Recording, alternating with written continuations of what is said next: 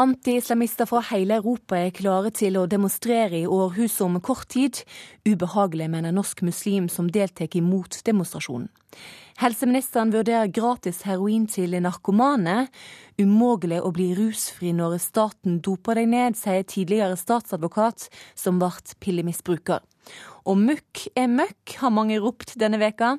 Slapp av, malt hud, brusk og bein er ikke usunt, sier trimdronning Kari Jakkesson.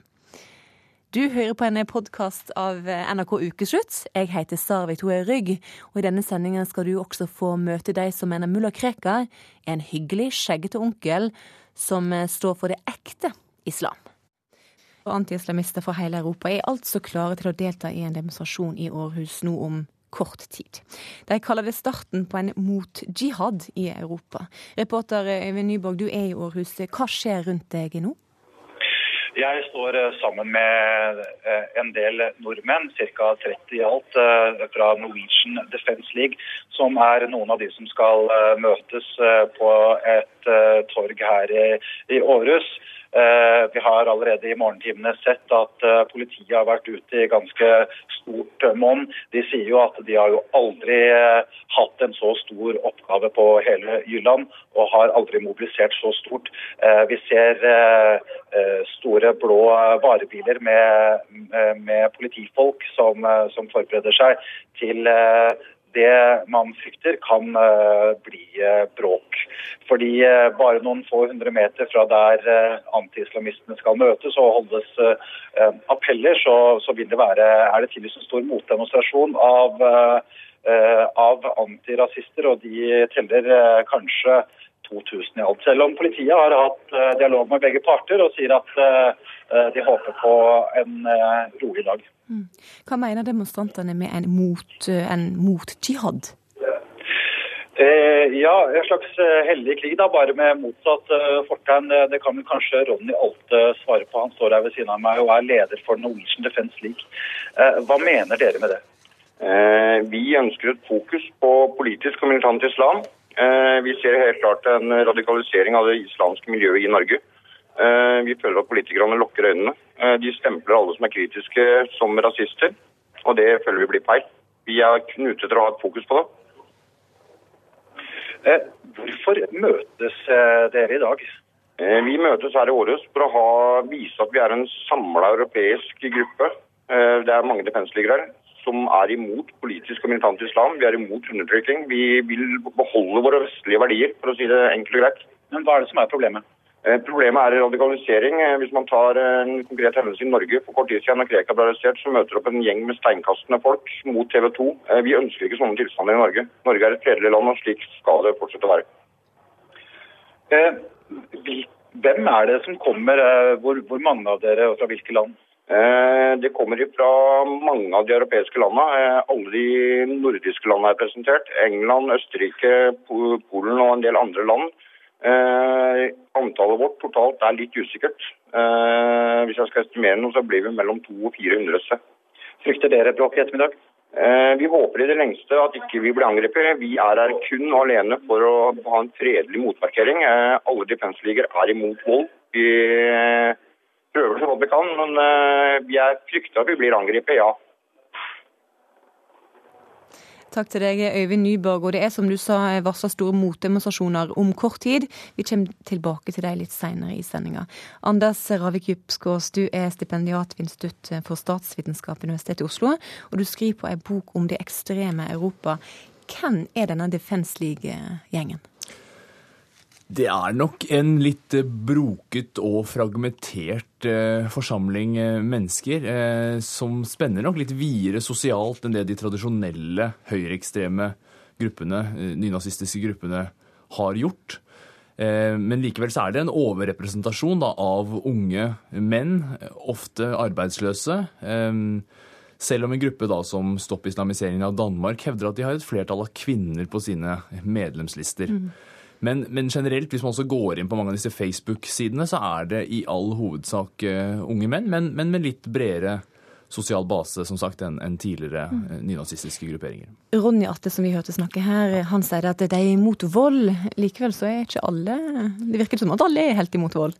Nei, det er noe av problemet her. Da, er at uh, det, Dette er jo noe de oppfordrer til stort sett hele tiden. At vi ønsker ikke voldelige demonstrasjoner. Og det kan godt hende at det er ganske mange der i disse gruppene som også er medlem på Facebook, som tar uh, kraftig avstand fra vold. Problemet er da bare at uh, veldig mange av de som deltar i disse demonstrasjonene, likevel har en tendens til å eh, si, det utarter seg til, til voldelige sammenstøt. Noen ganger så er det da fremprovosert også av voldelige ekstremister på andre siden, altså voldelige antirasister, som, som også eh, går til angrep. slik at eh, det er ikke helt uh, uten grunn at, at Alte og at politiet også frykter at dette kan føre da, til, til um, konfrontasjoner mellom disse grupperingene. Og lederen for Danish Defence League, som har satt i gang denne her demonstrasjonen, han sitter i fengsel i dag.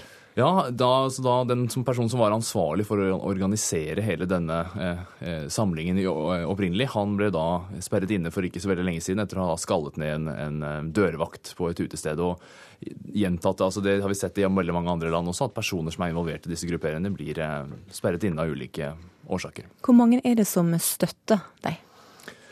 Ja, Det er jo interessant nå at uh, Alte, da, eh, leder i Norwegian Defence League, sier at de er rundt 30 stykker der nede. For uh, når de tidligere har forsøkt å demonstrere her i Norge Vi husker de forsøkte på 9. april uh, for da å markere at det var en ny da, okkupasjon av Norge. Nå ikke lenger av tyskerne, men av muslimer eller militante islamister. Um, så var det da færre aktivister enn journalister som dukket opp. Det, og det var da færre enn 30. de Eh, veldig få norske grupper av denne typen som har klart å samle så mange som 30 eh, før. Så det er tydelig at denne demonstrasjonen her har altså, på mange måter har virket attraktiv for en del av disse gruppene. Men i de fleste land så er dette fragmenterte, ganske små eh, grupper. Eh, så det ene store unntaket vi har, er da English Defence League, som man kan i hvert fall lansere hypotesen om at det skyldes da fraværet av et stort politisk parti som kanaliserer disse holdningene, og at man da har fått denne bevegelsen på siden av det politiske systemet som English Defence League representerer. Mm. Anders Behring Breivik skal ha vært medlem av eh, Norwegian Defence League eh, en periode.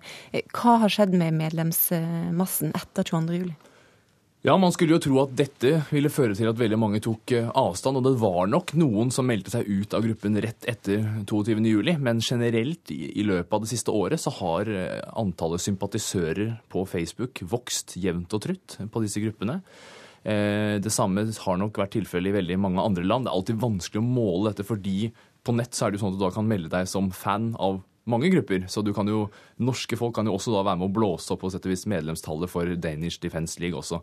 Og det er nok en viss eh, overlapp der eh, mellom ulike land. Men, men, i motsetning til hva noen andre antirasistiske grupperinger har hevdet at her er det ganske stille, så ser det da ut til at man nå klarer å mobilisere flere, og at man er i stand til å ha dette paneuropeiske, altså en, en en, en demonstrasjon da, på tvers av europeiske land og, og, samles i året. Men mellom 200 og 400 demonstranter er jo ikke veldig mange når man da trekker fra hele Europa. Mm.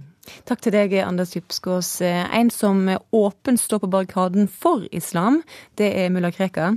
Denne veka ble han dømt til fem års fengsel for trusler. Han anka dommen.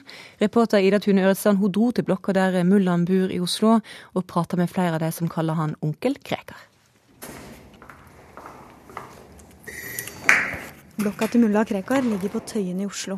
Det er en murblokk med mange etasjer og lange ganger. Mulla Krekar har vært en veldig stille og rolig nabo. Jeg visste ikke han bodde her engang. Så plutselig så, så jeg han Det er terrassen min, du ser det. Så jeg lener over der.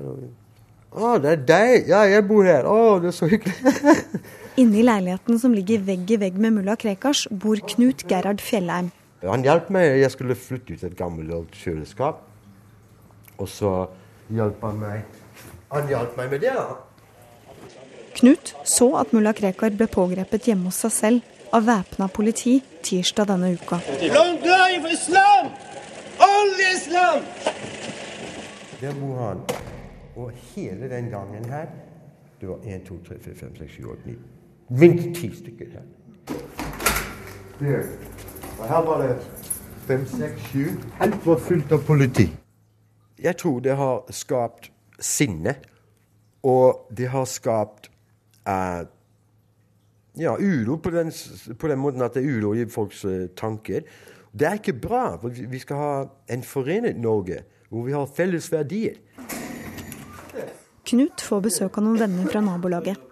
De er i midten av 20-åra, med bakgrunn fra Algerie, Irak og Somalia. De er redd for hvordan folk vil reagere på meningene de har om Krekar, og vil derfor ikke si hva de heter. Krekar, jeg syns han er en hyggelig mann. Kjempesøt mann. Veldig snill. Hva skal jeg si? En mann med fine ord. det er mange som respekterer ham for de meningene han har også. Kjenner du til folk som gjør det? Ja, jeg kjenner til det. Jeg er enig med han selv, jeg. Ja. Hva er det du er enig i?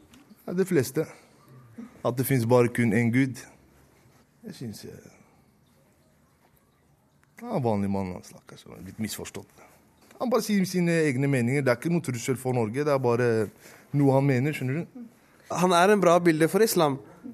Alt det han gjør, alt det han sier, er riktig. Men når det kommer til eh, drap og eh, trusler og eh, alt onde ting, det passer ikke islam. Og da passer ikke han heller. Men ellers er han en veldig fin kar. og Hilser på barn. Hilser på Likestilling for alle kanter. Det er det han driver med. Er han respektert blant muslimer i området her? Ja, faktisk. Fordi han ser ikke ned på det. Uansett mister du veska di, han kommer og plukker det opp. Og sier 'her mista du'. Det der finner du ikke folk hver dag. Altså. Hadde jeg mista veska mi, du, kanskje noen av vennene mine hadde tatt det. Men Krega leverer tilbake. På YouTube ligger samtalene Krekar hadde med sine tilhengere forrige helg. Han ble spurt om det ville komme reaksjoner dersom han ble fengslet. Da svarte han bl.a. dette. Én vil kunne kaste en granatbombe. En annen vil kunne planlegge en martyrhandling. Én kan ta en kniv med og si 'jeg skal drepe en nordmann'. Hvordan skal jeg kunne vite hva slags reaksjon det vil være? Men Hva tenker du om de truslene som er kommet fra krekerne? Hva skal jeg si? Kanskje han er i en eh, sur tilstand, eller du vet, masse sinne i seg, kanskje. Fordi han har blitt eh, Hva heter det? Politiet har jo jakta på han i ganske flere år nå. Men du støtter han likevel? Støtte og støtte. Jeg liker han fordi han er en muslim og eldre kar. Men er en onkel. En onkel Krekar. Er han konservativ muslim, vil du si? Men ordentlig islam. Hva er det, da? Det er en islam som aldri blitt forandra på i 1400 år. På Debatten på NRK1 denne uka sa Venstres Abid Raja at det var nettopp unge menn, som de i blokka til Krekar, han var bekymret for. For han snakker til en bevisst menighet. Han snakker ikke til nordmennene for å påvirke nordmenn. Han snakker til den lille, rotløse, rastløse, unge muslimske gruppa som han håper på å få med seg, og det ser vi også. Han har fått enkelte av disse med seg, og denne gruppa de kan, når de ser på denne klovnen som en karismatisk leder, så kan hans ord som oppfordrer til handling, faktisk gjør at de kan gripe til våpen. Sånn som jeg leser situasjonen, så tror jeg at de aller fleste oppfatter, uh, oppfatter det som trusler. Men når Krekar da går ut og prøver å bedyre at det var ikke slik det er ment, og det er ikke slik det skal forstås, og noen som følger ham ikke skal gjøre noe galt, så tror jeg det blir hørt på, faktisk. Shoaib Sultan er rådgiver i Antirasistisk Senter. Hans jobb er å følge med på ekstremister. Altså, han er en muslim, han er en muslimsk leder. Og som det så har han jo synspunkter som de aller fleste muslimer kan stille seg bak, om religionen. Eh, det må på en måte ikke blandes sammen med støtten til, til ekstremisme eller til, til, trusler eller andre ting. Takk, nå filmer vi, da. Da Krekar ble pågrepet, meldte TV 2 om ungdommer som kastet stein og ropte 'lenge leve mullaen'. Naboene til Krekar var der da han ble pågrepet, og mener at det ikke var noen som kastet stein for å støtte Krekar. Ja, det, I går da de kasta steiner på TV 2-teamet, så skrev de på nettet at det var Krekar-tilhengere og sympatisører. eller noe. Men det var ikke riktig. Hvem var det, da? Det var bare noen gategutter fra Tøyen som eh, røyker hasj og lager hærverk. Vet du det? De har ingenting med islam å gjøre, de der. Vet du det? Jeg veit det. Men det var ikke første gang det har vært bråk i nabolaget til Krekar. Jeg har sett han bli truet av tre kurdere her på en bil. De begynte å banne til han og si masse stiggord. Hva gjorde han da, da? Nei, Han var ikke her, det var bare vi, jeg og en kompis som sto der. vet du. Etterpå så, så han stygt på meg, han ene stygge jævelen, og sa Mulla Krekar skal dø, fuck Mulla Krekar, masse greier. Hva sa du da? Sa du noe til Jeg sa til han Mulla Krekar, han er en ordentlig mann i forhold til deg, din skitne dritt. Og så kjørte han videre. Ja, Krekar er en bra mann. Støtter du truslene? Støtter truslene? Hva slags trusler? Erna Solberg har han Erna Solberg, hva skal jeg si, fra min mening Hun kan like godt råtne. Så du er litt enig? Jeg er enig, ja. Fordi hva, hva har han gjort ennå? Men er det noe å være redd for, da? De truslene han kommer med, eller er det tomme trusler? Hva skal jeg si? Jeg sier det er tomme trusler. Kanskje, man vet aldri, men min mening så tror jeg det, det skjer ikke. altså. Fri heroin, det er jeg helt enig i. Nei, jeg håper det blir et vellykka prosjekt. I hvert fall bedre enn det Largreiene som er i gang nå, for det er jo helt tragisk. Jeg syns at eh, istedenfor å tvinge folk til å gå på metadon, som det de gjør nå, som er lagd for å drepe dyr i utgangspunktet med Heroin er ikke skadelig. Det som er skadelig ved heroina, det er stresset med å skaffe det. Det er det som gjør deg sjuk, det er det som gjør at du blir kriminell. Det er streff. Metadon skulle vært forbudt. Rett og slett. Rusmisbrukerne Ukeslutt prater med på Plata i Oslo er positive til å få prøve gratis heroin av staten. Denne veka sa helseminister Anne Grete Strøm Eriksen at hun åpner for en diskusjon om heroinbasert behandling, altså at de tyngste rusmisbrukerne får gratis heroin i en behandlingssituasjon. Det de, har, de, sier, det er at det at de har kunnet bruke heroinassistert eh, behandling, det har gitt verdighet til noen som ikke hadde det fra før. Det har fått ned kriminalitet. Og da syns jeg faktisk at vi må lytte til det, og så se på det i det lyset. Ikke som å dele ut, men som en del av en totalpakke, en del av en total behandling.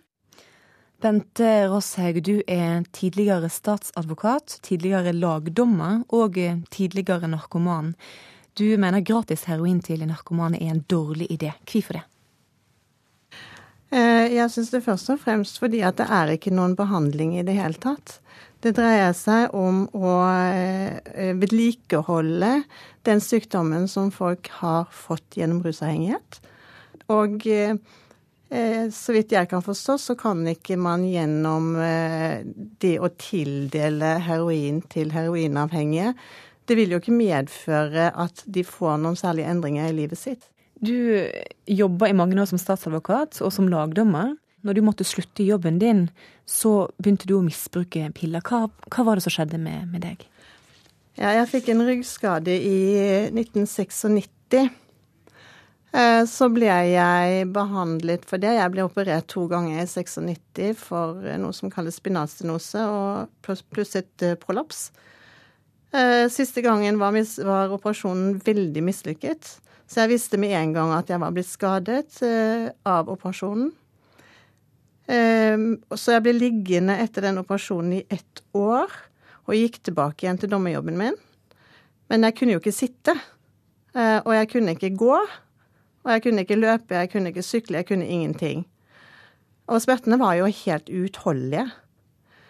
Så da ble jeg henvist eh, til eh, behandling eh, ved smertemedisinsk klinikk, og ble da satt under behandling. Og det var sterke narkotiske midler. Det var midler som man veldig lett kan sammenligne med heroin. Det var morfinlignende stoffer. Jeg fikk det som plaster. Jeg fikk det som pille, og jeg var oppe i enorme doser i løpet av kort tid. Mm. Du kaller deg sjøl tidligere narkoman med dop på blå resept? Ja, det var jo det jeg var. Jeg fikk eh, tildelt eh, de narkotiske midlene uh, av lege. Og etter hvert så utviklet jeg en avhengighet som som òg da gjorde at eh, når smertene kom tilbake, så fikk jeg større dose, og så fikk jeg mer smerte, og så fikk jeg større dose. Og til slutt så var jeg oppe i både smerteplastre og 100 morfintabletter i døgnet. Mm. Hvordan var det å gå eh, fra et liv som eh, statsadvokat til et liv som pillemisbruker? Det var et mareritt. Det var et mareritt. Jeg eh, mistet jo eh, I forbindelse med operasjonen så mistet jeg jo all tiltakslyst i livet mitt. Eh, jeg kunne ikke drive med fritidsaktivitetene som jeg er vant til å gjøre. Jeg kunne ikke gjøre jobben min som jeg elsket. Eh, jeg kunne ikke delta i aktiviteter sammen med familien. Og det gjorde jo at jeg var fullstendig ute av balanse psykisk. Og i tillegg hadde jeg smertene. Eh, så overgangen var jo egentlig fra å være et menneske til å ikke være et menneske lenger. Hvem var det verst for eh, at du ble narkoman? Det er alltid slik at det er verst for den som blir narkoman. Eh, men egentlig så er du ikke alene om det, fordi det rammer jo alle rundt deg. Det rammet mannen min, som gikk inn i en sorgfase fordi han hadde mistet meg. Det rammet barna mine, som måtte Eh, trekke, trekke, mine barnebarn unna meg fordi, eh, fordi, jeg var ikke, rett og slett ikke tilregnelig. Jeg var bare dopa og sløv og dum, og var ikke den mormor som jeg hadde vært. Sønnen din sa han kvidde seg til bryllupet sitt pga. Eh, ditt pillemisbruk. Ja, og det er ikke veldig rart at han gjorde det. Eh, å ha en mor, en zombiemor, som går rundt i eget bryllup, det er jo ikke noe morsomt. Når en da i tillegg skal holde tale, så kan man jo tenke seg hvordan det er. Og han hadde all grunn til å engste seg. For jeg kan i dag med hånden på hjertet si at jeg husker ikke stort ifra hans bryllup som gikk over tre dager. Mm. Du fikk medisiner av, eh, av, den norske stat som gjorde at du ble bare verre og verre. Nå sier Anne Grete eh, Strøm Eriksen at hun vurderer å gi heroin til, eh, til narkomane for å hjelpe de. Hva tror du skjer dersom et sånt tiltak blir satt i gang? De som allerede er heroinister, de har allerede en masse konsekvenser av sitt eh, heroinbruk. Selv om de får eh, forskrevet dette på resept eller utdeling eller hva man skal gjøre det med, så vil jo alle konsekvensene av eh, narkomanien, av eh, heroinavhengigheten, de vil jo bare bli der fremdeles. De forsvinner ikke. Og det aller viktigste det er at eh, når man bruker disse stoffene, så blir man så neddopet og sløv at man blir ikke behandlingsmotivert. Man kan aldri bli behandlingsmotivert når man går på heroin. Da du, da du kom til behandling for eh, rundt et år siden, så sa du at eh, du sto på kanten av eh, grava. Hva var det som gjorde at du skjønte at du måtte få annen type hjelp enn piller? Jeg har en veldig klok familie, eh, så de hadde funnet frem til en behandlingsinstitusjon, og den bare la de foran meg og sa dette får du ordne opp i selv. Og det gjorde jeg. Jeg ringte til behandlingsinstitusjonen og, eh, og avtalte tid en tirsdag. Så, dette var en fredag, og så kastet jeg alt jeg hadde av piller og alkohol og um, gikk ned i kjellerstuen og lå der i 72 timer. Det var grusomme 72 timer. Det var eh, krampe, og det var uh, smerte, og det var uh, Jeg kastet opp konstant, kunne ikke ta en teskje med vann. Uh, deretter så tok mannen min og kjørte meg til behandlingsinstitusjonen, og da bar han meg inn. Og hva sier familien din til deg i dag? Jeg har fått en veldig takknemlig familie. Du hører en podkast av NRK Ukeslutt, og det er klokt av deg, for straks skal du få høre at tidligere kasta han opp bare ved tanken på et intervju. Men etter seks utleverende bøker har Knausgård endelig lært seg å smile til fotografene. Og eh, visste du at pølser du skal grille i påska inneholder bein, hud og brusk? Vel, nå vet du det, og straks får du enda flere detaljer.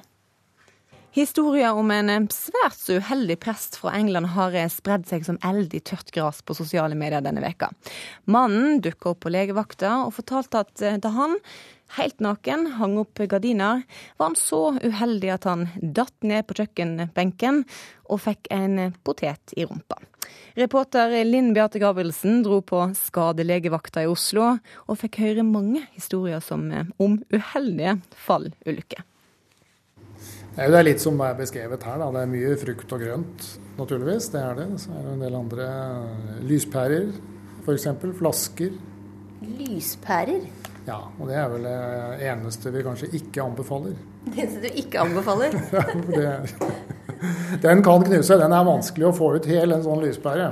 Ifølge seksjonsoverlege Knut Melhus på skadelegevakten i Oslo er dette noe som skjer menn, og bare menn, som vandrer nakne rundt hjemme mens de foretar seg helt hverdagslige sysler. Altså det første jeg husker, det var en, eh, en, diplomat. Korrekt antrukket med dress og slips som kom inn. Og han hadde da en, en sånn liten uh, sjampoflaske, slik man får på hotell, inn i endetarmen. Og forklarte meg da på godt engelsk at han hadde vært i dusjen. Og så kunne han sette seg ned da, på en eh, sånn liten, liten, benk hvor det sto en sånn flaske. Så da svopp, så forsvant den opp i halepartiet på han. Så det er, altså, det er, det er jo ikke helt uvanlig med akkurat disse, disse små sjampoflaskene. De har en lei tendens til å havne akkurat på dette stedet. Og de er vanskelig å få ut. For de havner alltid med den korken opp. Slik at det er en sånn butt ende her som det er fryktelig vanskelig å få en tang på. Så dette er rett og slett eh, utfordrende. Hvordan vil du kategorisere dette her i journalene? da? Er det en fallulykke, eller hva, hva, er det for noe? ja, nei, Du har et poeng her. altså er, Vi driver jo sånn skaderegistrering her, sånn, så vi har ikke noen egen kategori på dette. Men uh, som sagt, vi stoler på pasienten, kaller det en fallulykke innendørs. Den uheldige engelske presten som Dagbladet skrev om denne uka, hang opp gardiner kliss naken da han ops, falt ned på en potet på kjøkkenbenken. Han har kanskje funnet en søt liten mandelpotet, og så dytter han den oppi, og så når man ligger der, så merker man ikke bare svopp, så forsvinner den. Sier sekspirator Cecilie Kjensli.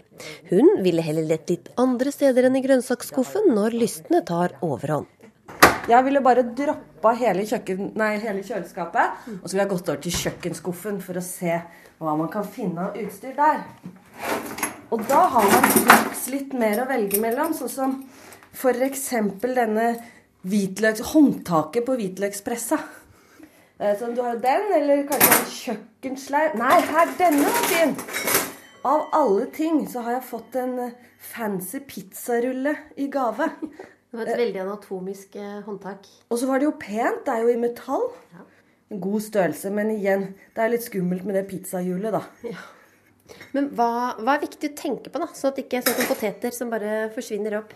Ja, altså Det handler om at du må jo ha, du, du må jo ha en stopper. Altså Du må ha en slags kork, eller du må ha en, en fangreim. Altså en, en nødbremser. Det må du ha. Og for de sjenerte så finner man jo duppeditter på nettet som faktisk er designet for den slags. Skal vi se om jeg kan finne noe jeg syns eh, potetpresten heller burde ha hatt, så han ikke havna i den kinkige situasjonen. Og her ser du at man har litt å velge mellom.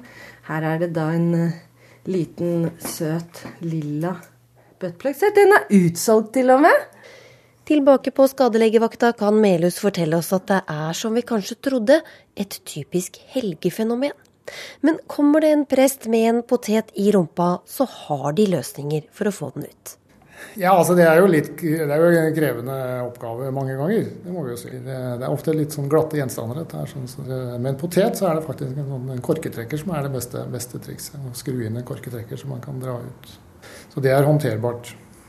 Men hvis man liksom skal være så uheldig å falle på noe, hva vil du anbefalt å falt på med rumpa? Nei, altså en, en, potet vil jeg faktisk eh, absolutt anbefale. Det er vel noe av de lettere tingene å få ut. Og nå skal vi prate om hva pølser du kanskje akkurat putter i deg, er laga av. Mukk, som altså er maskinutbeina kjøtt, finner du i alt fra pølse til kebab. Arne Brimi, du er kokk og glad i gode råvarer. Er mukk møkk?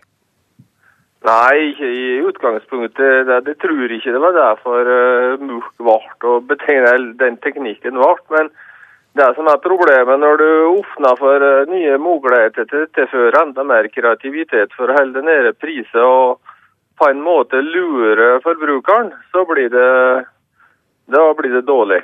Ja, hva blir det neste de prøver å gi oss? Nei, det er jo neste. Det er oss som driver med å lage mat. Det har oss lurt på i hele vår eh, karriere hva det neste blir. Og det neste det greier ikke engang oss kokkene følge med til. men så har de fått ei tid der, eh, der folk blir mer og mer opptatt av hva de egentlig er. Og da må vi bare forvente det at ærlighet i produksjonen av mat eh, blir bedre. Mm. Trimdronning Kari Jakkesson, du er opptatt av sunn livsstil og god og sunn mat. Mm. Men du lar deg ikke skremme møkk. Hvorfor ikke? Nei. Hallo. Altså, hva er det for noe? Det er, eh, det er, eh, det du som er igjen når folk spiser La oss si at du spiser en, et kyllinglår, og nordmenn kan jo ikke spise. De spiser jo Når du serverer kylling eller eh, lammekoteletter til nordmenn, så ligger jo halvparten igjen. For de tør liksom ikke å gnage beina. Så når du har spist en lammekotelett eller et kyllinglår, så skal det ikke være noe igjen, ikke brusk engang. Da kan du spise. Mm. Og saken er at uh, i uh, norske butikker så finner du kyllingfilet. Altså du finner fileter. Det liker nordmenn veldig godt, for det er ikke så slitsomt å spise. Mens i andre land der finner du kumager og hjerner og føtter og alt mulig.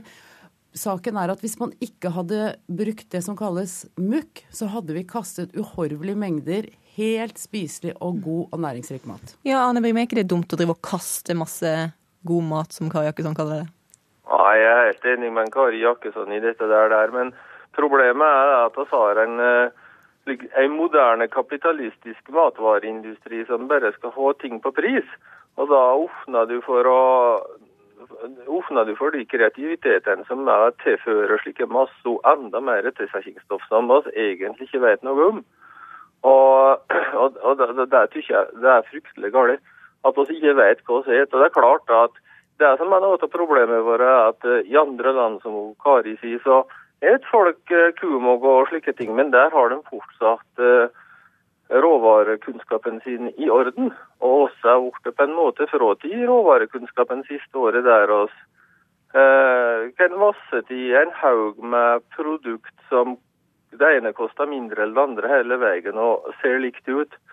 Og da må vi forstå at dette her er ting som blir brukt i forhold til å nærmest lure forbrukeren til å tro at den er noe som er eksklusivt. Det er klart at når du kan kjøpe ei medisterpølse eller ei wienerpølse som koster 90 kroner kiloen, og ei som koster 30 kroner kiloen, så må folk skjønne at her er det noe her er det noe som ikke stemmer. Mm. Ja, det er jeg helt enig i. Eh, og vel, altså at vi har blitt fratatt eh, råvarekunnskapen. Hm. Man kan jo snu det og si at eh, man burde kanskje gidde å sette seg litt inn i det. Selv syns jeg det burde vært mye mer om dette i skolen, på alle alderstrinn.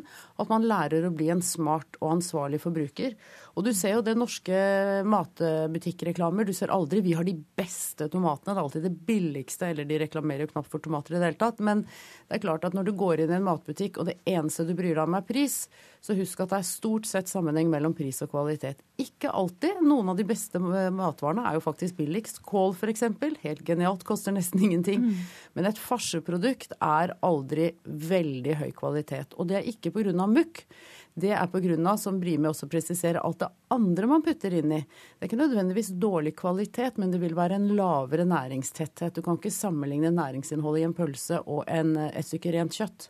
Og så får man velge, da, og myndighetene kommer jo med anbefalinger, ikke for mye bearbeidet kjøttmat. Så det ligger jo også i de anbefalingene. Men du sier, ja. slappe, du sier, at vi skal slappe litt av, ikke være så bekymra for litt beinrest eller litt ikke, fett eller litt hud? Jo, men det er veldig misvisende. Altså hud, hva er det? Altså Folk mesker seg jo med svoren hver jul, og det er jo hud. Mm. ikke sant? Det er jo ikke farlig å spise det. Det er det også næring i.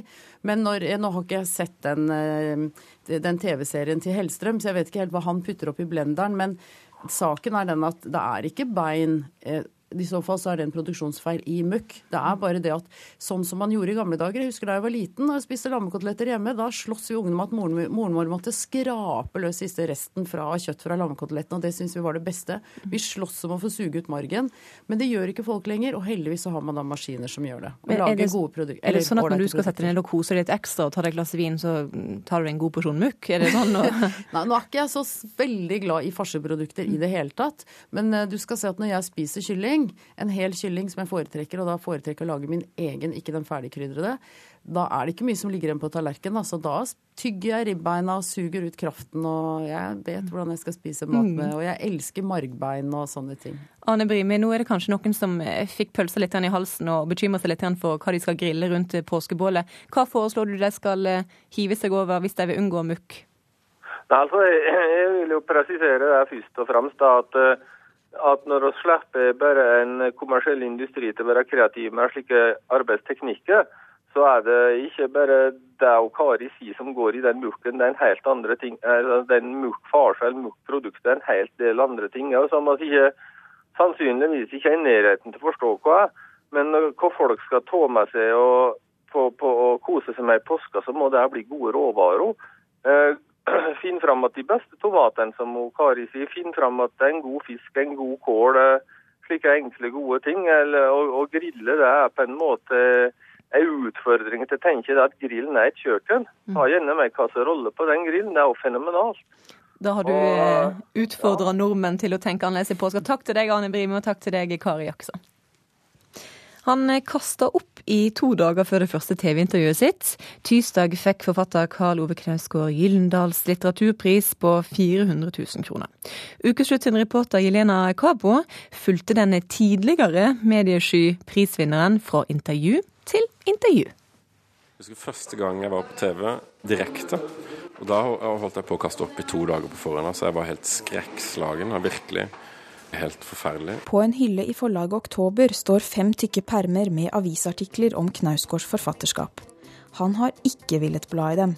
Skamfølelse og redselen for å fremstå som dum har gjort at Karl Ove Knausgård, som tirsdag vant Gyllendals litteraturpris, har skydd unna media de siste årene, til tross for påtrengende journalister. Det er for kjipt å få en fin pris fra Gyllendal og sånn, og så sier nei, ingen intervjuer, nei, jeg vil ikke det. og så, så, derfor gjør jeg det. Hva er det Gyldendal-prisen betyr for deg?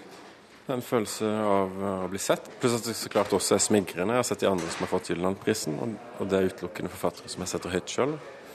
Så klart at det er veldig moro. altså. Vinner av årets Gyldendal-pris, Carl Ove Knausgård. Skal vi gå til røyk, eller? Jeg tror ikke det var før halv seks at jeg skulle inn igjen. Det er veldig ubehagelig å gå et sted og så merke at folk kikker. da. Men det er faktisk ikke så uh, ubehagelig når folk tar kontakt eller når folk skriver brev. For da, da, føles det mye mer personlig eller riktig eller ordentlig. da.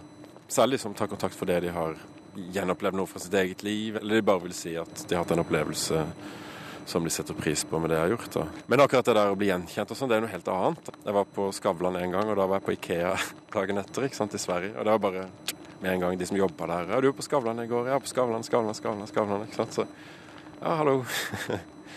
det er han på Skavlan, da. Men det er bare et par dager, så forsvinner det. da. Mm.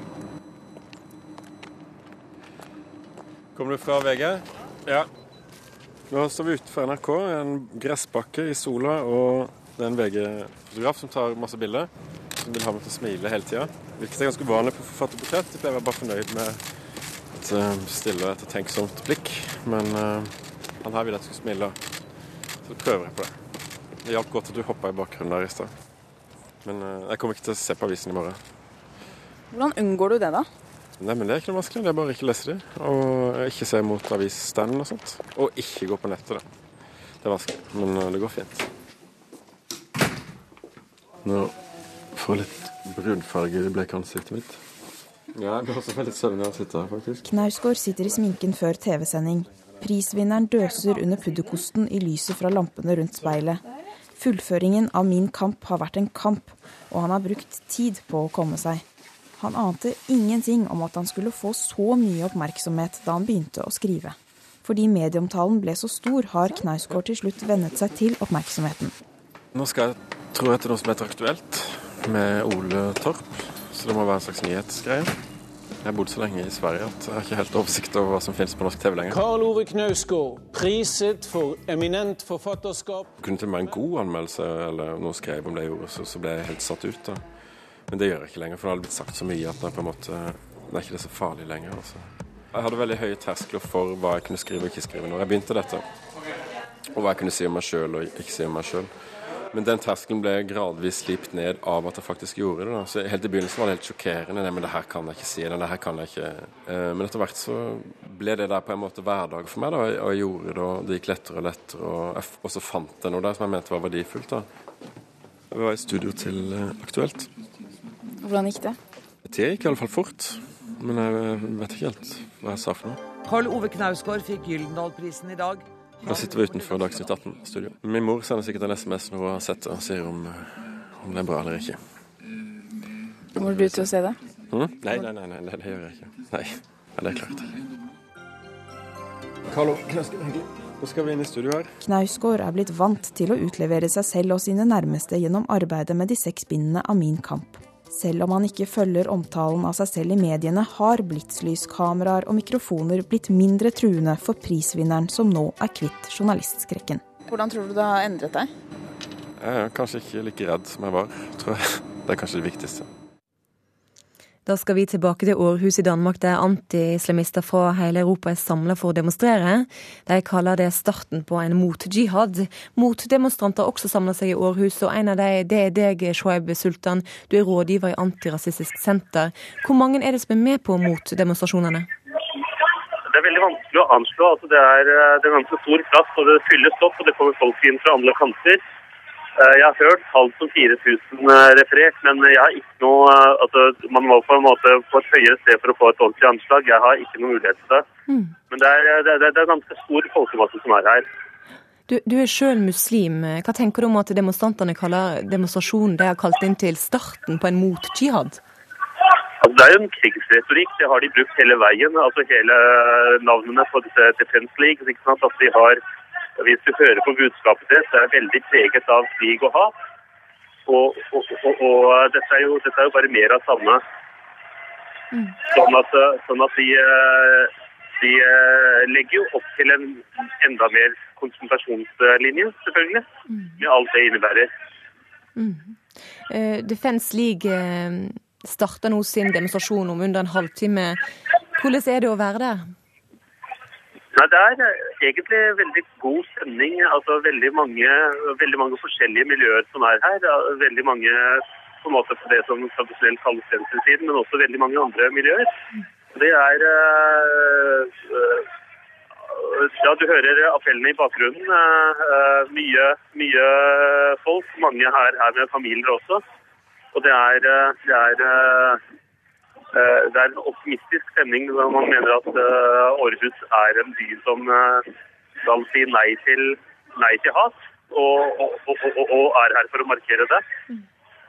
Dere sier nei til hat, men hva er faren for at det blir bråk utover ettermiddagen?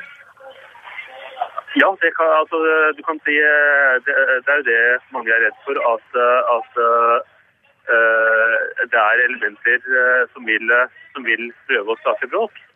Uh, vi skal jo prøve å unngå det, prøve å ha en markering og, og, og, og, på en måte komme med et budskap og bli ferdig med det. Men, men man er jo alltid redd for at folk skal, folk skal lage bråk. Det er en del folk som først og fremst kommer for å lage bråk, som ikke er her for å markere noe som helst.